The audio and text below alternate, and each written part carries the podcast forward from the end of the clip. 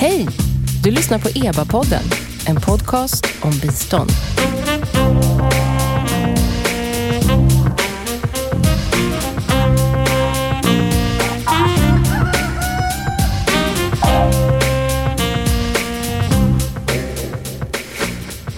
Välkomna till EBA-podden. Jag heter Nina Solomin och det är expertgruppen för biståndsanalys som ger ut den här podcasten.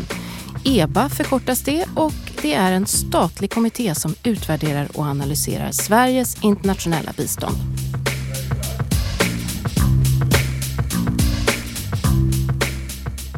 Idag ska vi prata om Michael Kramer, Esther Duflo och Abhijit Banerjee. Det vill säga de tre forskare eh, som fick årets Nobelpris i ekonomi. Eh, och egentligen ska vi väl mer prata om det de fick priset för, det vill säga deras forskning och arbete och metod. Med mig i studion finns Martina Björkman Nyqvist, docent i nationalekonomi vid Handelshögskolan i Stockholm. Hej! Hejsan! Det var Nyqvist. Vi har en kvist till. Holmqvist, Göran från Sida. Avdelningschef är du där. Hej! Hej! Välkommen. Och så har vi en Petterqvist, nej, Jan Pettersson, kanslichef på EBA. Välkommen. Tack så mycket. Så jag tänkte egentligen börja med, vi ska ju prata om de här eh, Nobelpristagarna och eh, vad de har åstadkommit. Men för att vi ska hamna lite, veta vad vi talar om så ska jag också läsa motiveringen. De får priset för deras experimentella ansats för att mildra global fattigdom. Om vi börjar med dig Martina. Eh, de här tre forskarna de belönas för en alldeles särskild metod som de använder, fältexperiment. Men metoden i sig är knappast ny. Varför får de just de priset för det här? Eh, ja, men de får priset för den här experimentella metoden då, som är fältexperiment. Som gör att vi tillförlitligt kan, eh, mer tillförlitligt kanske jag ska säga, kan försöka förstå hur vi ska bekämpa fattigdom i världen. Men de får det också, skulle jag vilja säga, för att de har eh, förändrat och påverkat ett helt forskningsfält, alltså utvecklingsekonomi, till att arbeta med biståndsorganisationer, regeringar, icke-statliga organisationer eh, för att utvärdera olika program och därmed försöka förstå vad fungerar, vad fungerar inte och hur ska vi använda det i policy eller i biståndspolitik. Då. Så metoden ja. är inte ny, den används i andra, inom andra fält. Så grejen är att de egentligen tog Nej. en metod och använde den på ett nytt område? Ja, precis så skulle jag säga att det är. Så metoden eh, är fältexperiment. Och fältexperiment, eller experiment kanske vi ska börja med, det är ju en metod som används i eh, medicin eh, länge för att utvärdera eh, ja, fungerar mediciner och inte. Man randomiserar vilka som får en medicin och vilka som inte får en medicin om man har en kontrollgrupp och man har en behandlingsgrupp. Och I och med att man randomiserar så kan man då vad vi kallar det kausalt utvärdera effekten av medicinen. Och ett, ett annat ord för randomisering är? Slumpmässigt. Så det är ett slumpmässigt urval i, de här, i den, den gruppen som utsätts för experimentet och de som så att säga inte utsätts ja, kontrollgruppen. för. Ja, kontrollgruppen. Och det första experimentet eh, var Michael Kramer som gjorde det i Kenya. Eh, det Michael gjorde då var att han hade ett sätt av skolor han randomiserade eh, att hälften av dem fick skolböcker och hälften av dem fick bara fortsätta som vanligt. Och så tittade han, lät han det gå en tid och så tittade han på eh, effekten av skolorna som fick skolböcker versus de som var kontrollgruppen som inte hade skolböcker. Och Det han då hittade eh, var eh, lite förvånande just där och då.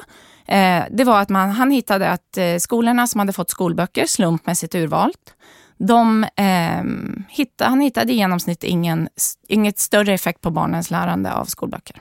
Ha, så då kunde just det experimentet visa att nej, men det är helt bortkastat att bara, bara skälpa ut en massa skolböcker oavsett eh, kontext i, på olika ställen. Utan kanske behövs till andra saker för att höja nivån på skolan. Ja, oavsett kontext kanske man inte ska säga. Därför att han tittade ju på ett specifikt område i Kenya Eh, men däremot, det man kan säga, det han hittade var att i genomsnitt så hade skolböckerna ingen effekt. Men när han tittade på eh, olika grupper av barn i skolor så hittade han att skolbarn som var högt presterande, de hade skolböcker, eh, för dem hade skolböcker en effekt. Och då kan man då eh, hypotetiskt börja fundera varför var det så? Jo, det kanske var så att de här skolbarnen som var högt presterande, de kunde redan läsa, de kunde ta till sig materialet i skolböcker. Medan barnen som eh, var lägre presterande, genomsnittsbarnen, eh, de hade kanske inte möjlighet att ta till sig av, av skolböcker. Eh, likväl så kan man ju få väldigt så här, tydliga besked av den här forskningen. Ska man ge skolböcker till skolor i Kenya i det här området eller inte? Ja eller nej? Jag tänker Göran Holmqvist eh, på Sida sedan många år. Eh, alltså hur, vad har ni för nytta av den här typen av ganska tydliga besked i ert dagliga arbete? För först ska jag säga, inom Sida så propagerar jag väldigt mycket för att vi ska lära oss mer av de här metoderna. Framförallt kanske av redan gjorda studier. För vi ska komma ihåg, de är ganska dyra. De tar ganska lång tid att göra. Så för det enskilda projektet så är det ibland ett litet dilemma att få ett resultat som är användbart då inom eh, projektperioden. Och det gör ju liksom att de som håller på med just med projektet kan ha lite problem. Det beror på varje, vilken typ av studie det är. Men för i somliga fall så får du faktiskt vänta ett par år innan du kan få de intressanta resultaten. Så det finns ju begränsningar. Men det görs ju massor, massor med studier. Och det finns 3600 randomiserade kontrollstudier som har genomförts i utvecklingsmiljö eh, enligt 3AI som är en av de organisationer som Sida finansierar för att göra den här typen av arbete. Eh, och jag tror av de här 3600 så har 600 har eh, fångats upp i vad man kallar för systemat systematic reviews. Det är alltså försök att syntetisera. Vad kommer liksom hela bredden av alla eh, randomiserade studier av mikrofinans eller av något annat tema? Eh, vad är liksom den generaliserbara kunskapen av dem? Det ligger gratis på nätet. En guldgruva för oss. Så, och, och, vi är inte tillräckligt bra för att men, lära av det Men där. använder ni er av det i ert dagliga Så arbete? smått. Och inom vissa områden. Men ja. jag skulle vilja säga inte tillräckligt. Nej. Och ibland är de det finns ett kulturproblem med att discipliner då som inte är den nationalekonomiska ibland inte känner sig hemma med jargongen och, och liksom signifikansnivåerna och eh, koefficienten och annat som det kryllar av i de här eh, rapporterna. Då. Så, så det finns ett sånt här, eh, sånt här krux. Då. Men det finns andra begränsningar också som gör att tillämpbarheten inte är så stor som somliga hävdar. Jag kan komma tillbaka till det. Ja, inte ja, prata för länge. Inte, mm. ja. Nej, men alltså, Janne, jag tänker att du ska få komma in. Eh, vad, vad, vad, tänker du om, om det här priset? Om priset i sig så tänker jag att det är fantastiskt kul. Framförallt därför att fokus eh, sätts på fattigdom och utvecklingsfrågor. Jag tror att i den mån liksom man inom vetenskapligt eller inom utvecklingsfrågorna kritiserar pristagarna så kan man ju tänka att ja, men alternativet var kanske inte en annan utvecklingsekonom. Och, och det, så att, att utvecklingsekonomi får ett pris är ju fantastiskt kul tycker jag. Men hur stor del av, av du, jobb, du är ju chef där på ett kansli för, som sysslar med utvärdering av bistånd. Det är liksom den huvudsakliga uppgiften. Hur många studier har EBA som, som är experimentella? Vi har gjort exakt noll stycken. Och det är inte så konstigt, därför att vi är inte satta att utvärdera projekt och program. Eh, de, eh, precis som Göran sa så är de ju inte jättebilliga så att en randomiserad kontrollstudie skulle kosta kanske mellan 10 och 50 procent av vår totala budget. Men vår första studie gjorde handla om metoden där vi också argumenterar för att man borde i ökad utsträckning kanske använder den här metoden. Och eh, slutsatsen är tycker jag, det är inte bara den här metoden man behöver använda mer i, inom biståndet, utan man behöver jobba mer med effektutvärdering. Och det handlar om att ha andra sätt att mäta kausalitet mer än bara med kontrafakticitet kanske. Eh, men, men överhuvudtaget så, och det är någonting som vi återkommande säger i vår årsrapport också, biståndsanalys, att eh, man behöver studera eh, ex post-effekter, långsiktiga effekter mycket, mycket mer än vad man gör. Men vad har du fångat upp för, för reaktioner när du hänger med andra utvecklingsutvärderare i Sverige och utomlands? Ja, alltså i den mån det förs fram kritik så är det lite av den Eh, samma Dels finns det kritiken av att här, nu kommer ett välfinansierat fält få ännu fler resurser och det kommer ske på bekostnad av annan forskning. Det hör man inom utvecklingsstudier till exempel. Eh, och, och, det, Så ser det ut i en konkurrenssituation. Eh, jag tycker när man tittar på, eh, den, på publiceringar och sådär, så visst är det så under den senaste tiden då det här fältet har vuxit så starkt att antalet publikationer har ökat. Men ibland säger man att ja, allting är RCT och man kan inte bli publicerad om man inte har en randomiserad kontrollexperiment. Och det stämmer ju inte. Eh, en annan kritik är just det som är eh, Eh, som ligger i motiveringen för varför man får priset. Att man har brutit ner den stora fattigdomsfrågan till ett antal mindre frågor som går att besvara.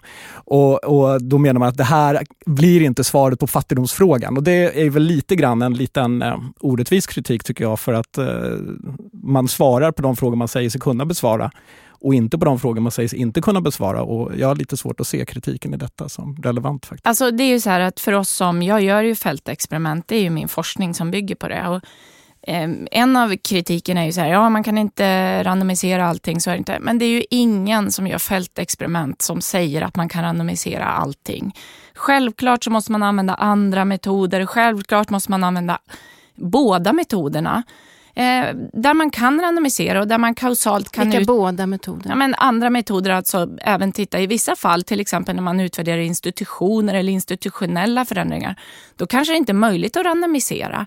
Och då är det inte så att man inte ska titta på sådana problem. Kan du ge några fler exempel på vad man, vad man kan mäta? Man kan inte mäta demokratiutveckling, men finns det något annat man kan mäta? Ja, men man kan mäta effekter av eh, hur förbättrar man eh, hälsovård i eh, kliniker i Uganda. Eh, och Det kan man göra genom att titta på, är det så att man kan eh, ge empowerment, alltså eh, ge makt till människorna som använder de här klinikerna att försöka eh, kritisera och på, använda så, påtryckningar och information kan de då minska korruptionen som pågår på de här lokala klinikerna. Man kan använda sig av eh, de här fältexperimenten för att titta på hur man mildrar barnadödlighet med hjälp av vaccinationer. Hur man eh, mildrar barnadödlighet genom att öka access eller transport Eh, möjligheter för mammor som är gravida att eh, föda på lokala kliniker. Jag kan fortsätta hur länge som helst. Men det finns väldigt många program som man faktiskt kan utvärdera. Men att säga att man kan utvärdera allt via fältexperiment, det finns det ingen nationalekonom som påstår. Så den kritiken tycker jag är väldigt tråkig. Jag vill bara skärpa till den här debatten lite. För att det är faktiskt så att eh, nationalekonomerna själva har varit jäkligt hetska faktiskt mot den här metodiken. Flera av de här tidigare nobelpristagarna som har paraderat här i Stockholm har gett riktiga eh, hårda smällar mot metodik. Angus Deaton har skrivit jätteelakt. Paul Romer... Alltså nu efter att priset har delats? Nej, nej, så tidigare, har, liksom, de här fått, gångna tio åren när den här debatten har pågått. Paul mm. Romer som fick ah. priset lyssnade jag på ett föredrag av. En bashing utan like. Liksom. Eh, Danny mm. Roderick har skrivit elakt. Heckman har gjort Och vad är det de säger? Jag tycker det är viktigt ändå att lyssna på deras kritik. För att för att fallmetoden ska kunna användas på ett bra sätt, då måste vi förstå både fördelarna men också begränsningarna. Och jag tror att man kan säga att det är väl två eh, huvudlinjer liksom i kritiken.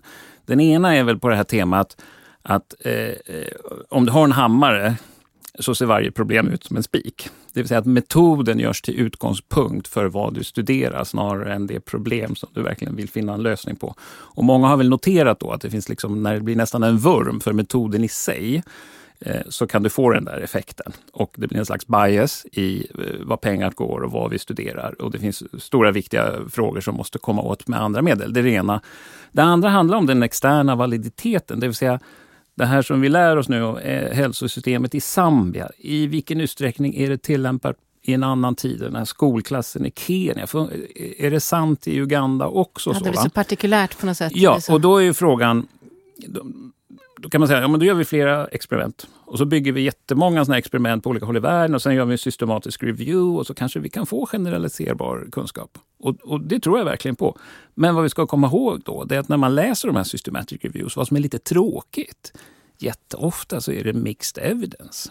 Alltså, byråkraten skulle ju önska sig någon sån här jättesolklar, eh, schysst liksom, slutsats. Det här funkar alltid, funkar aldrig, gör så, så det är lika jäkla luddigt som alla andra? Ja, man är på samma gungfly då. Va? Man måste ja. treva sig fram och metoden ger inte den där knivskarpa evidensen eh, som det ibland eh, kanske hävdas. Eh, Håller du ser, med när, om det här Martina? Mm. Jag håller inte, det här är kritiken som vi pratar om, mm. som många drar. Och det är klart att allt är bra att det kritiseras och allt ska kritiseras, för det är så man driver ett forskningsfält framåt. Jag, eh, håller inte, eh, jag håller med om att extern validitet är väldigt viktigt. Jag skulle vilja säga att de flesta som gör fältexperiment är väldigt försiktiga med ordet extern validitet på våra experiment. Men det jag skulle vilja säga är att vad, eh, hur mycket pratar man om extern validitet när man gör saker på Sida då? När ni utvärderar era små program i en viss del av Uganda och så vidare. Varför är det inte intressant att veta om de programmen fungerar just där och då? Varför behöver vi prata om det jättestorskaligt i varje enskilt fall? I det här fallet som jag pratade om, hälsokliniker i Uganda, det var inte Zambia, det var Uganda. Då gjorde vi det i hela Uganda. Fyra områden i en period när det var hög barna, barnfattig, eh, barn, barnadödlighet. Men däremot så kan man inte gå och säga det fungerade i alla regioner i Uganda. Nu ska vi göra det i Kenya och Tanzania och överallt annars. Men det är det väldigt få som säger. Däremot att säga, att titta på en ny metod, ett nytt program, att kunna säga att det fungerar här och i det här landet och i den här settingen, det tycker jag är en stor, tillförlitligt fungerar. Det är en stort bidrag till fattigdomsbekämpning. Mm, Janne, du ville säga något? Nej, men jag tänkte, dels är det ju så att eh, i en värld där det finns ganska många spikar så är man i behov av hammare också. Och biståndet är ju ganska projektifierat. Och det gör ju att biståndet i sig ibland lämpar sig ganska väl för att genomföra randomiserade kontrollexperiment för att få en idé om hur man ska designa interventioner. Och sen är det jättedumt att krocktesta varje bil. Det blir jättedumt. Så ska man inte bete sig. Utan saker som är liknande, ja, då, då baserar man det på hur man faktiskt tror det fungerar tills man få ny kunskap. Och så ser också forskningen ut. Men vad jag skulle vilja säga, är att så som jag tänker kring det, det är att randomiserade kontrollexperiment, de är väldigt bra på hur-frågorna. Hur ska vi designa det här? Om man tänker sig svältkatastrofer, ja men hur hjälper man nödställda? Vad är bra? Är det ovillkorade kontantbidrag här? Kan vi ge eh, kreditkort eller hur ska vi bete oss? Men, men frågor som, jag menar, om man tittar på Amartya Sen och Jean Dress, liksom, att, som kommer fram till att ja, i de svältkatastrofer vi observerar har det aldrig funnits brist på livsmedel utan det är en logistiskt problem som är politiskt drivet. Den typen av forskningsresultat är ju väldigt svårt att komma fram till där. Jag, om man får polemisera med dig lite så här. Ingen hävdar heller äh, av de här som kritiserar metoden att den är generellt sett olämplig, att den inte är ett värdefullt tillskott till verktygslådan. Alla håller med om det. Men man påpekar begränsningarna. Och att man påpekar det tror jag beror på att det ibland har förekommit partsinlagor från företrädare för eh, branschen som har gått lite väl långt. Vi är ju väldigt många forskare som eh, forskar med fältexperiment och med de här metoderna. Så självklart kan man inte stå och försvara varenda enskild forskare. Men det jag tänkte berätta bara lite snabbt när vi pratar om det här. Metoden har ju haft jättestor impact på eh, några exempel. Till exempel så finns det en organisation idag som heter Deworm the World som handlar om avmaskning av barn i grundskolan. Det är Michael Kramers, en av hans eh, första stora randomiserade kontrollexperiment där de avmaskade barn i Kenya som är grundpelaren till det. Idag avmaskas alla barn i grundskolan i Kenya och i jättemånga delstater i Indien på grund av det här fältexperimentet som bidrog till att visa att när barn avmaskas i kommunala skolor så bidrar det till det att de kan gå i skolan mer och de kan prestera bättre när de är i skolan. Får jag, ja. får jag fylla på med hyllningskören? Massor med länder i Afrika inför nu sociala trygghetssystem. Mm. Sida har bidragit till randomiserade kontrollstudier som visar att ovillkorade kontantbidrag till fattiga familjer i Afrika faktiskt har fungerat och inte leder till de eh, säga, negativa effekter som en del fördomar eh, eh, talar för. Då. Det är där jag tror den här metodiken egentligen kommer till sin allra eh, Eh, allra bäst till, så att säga. När man behöver övertyga om att här är det värt att satsa, liksom inte 10 miljoner dollar på något enskilt projekt, utan en miljard dollar på att utveckla ett socialt trygghetssystem eller någon slags dewarming-mekanism för alla skolor och annat som är stort och kostsamt. Då bör man ju stå på fakta. fakta på... Martina, upplever du att att ni når fram och når ut på det sättet med de här resultaten från fältexperiment? Ja, men, eh, vi, som jag sa tidigare så samarbetar vi forskare väldigt mycket med regeringar och eh, biståndsorgan och icke-statliga organisationer i de här. Det är oftast, man gör experimenten som en del av de vanliga biståndsprogrammen som Världsbanken skulle ha gjort och så vidare. Och så utvärderar vi en start av det.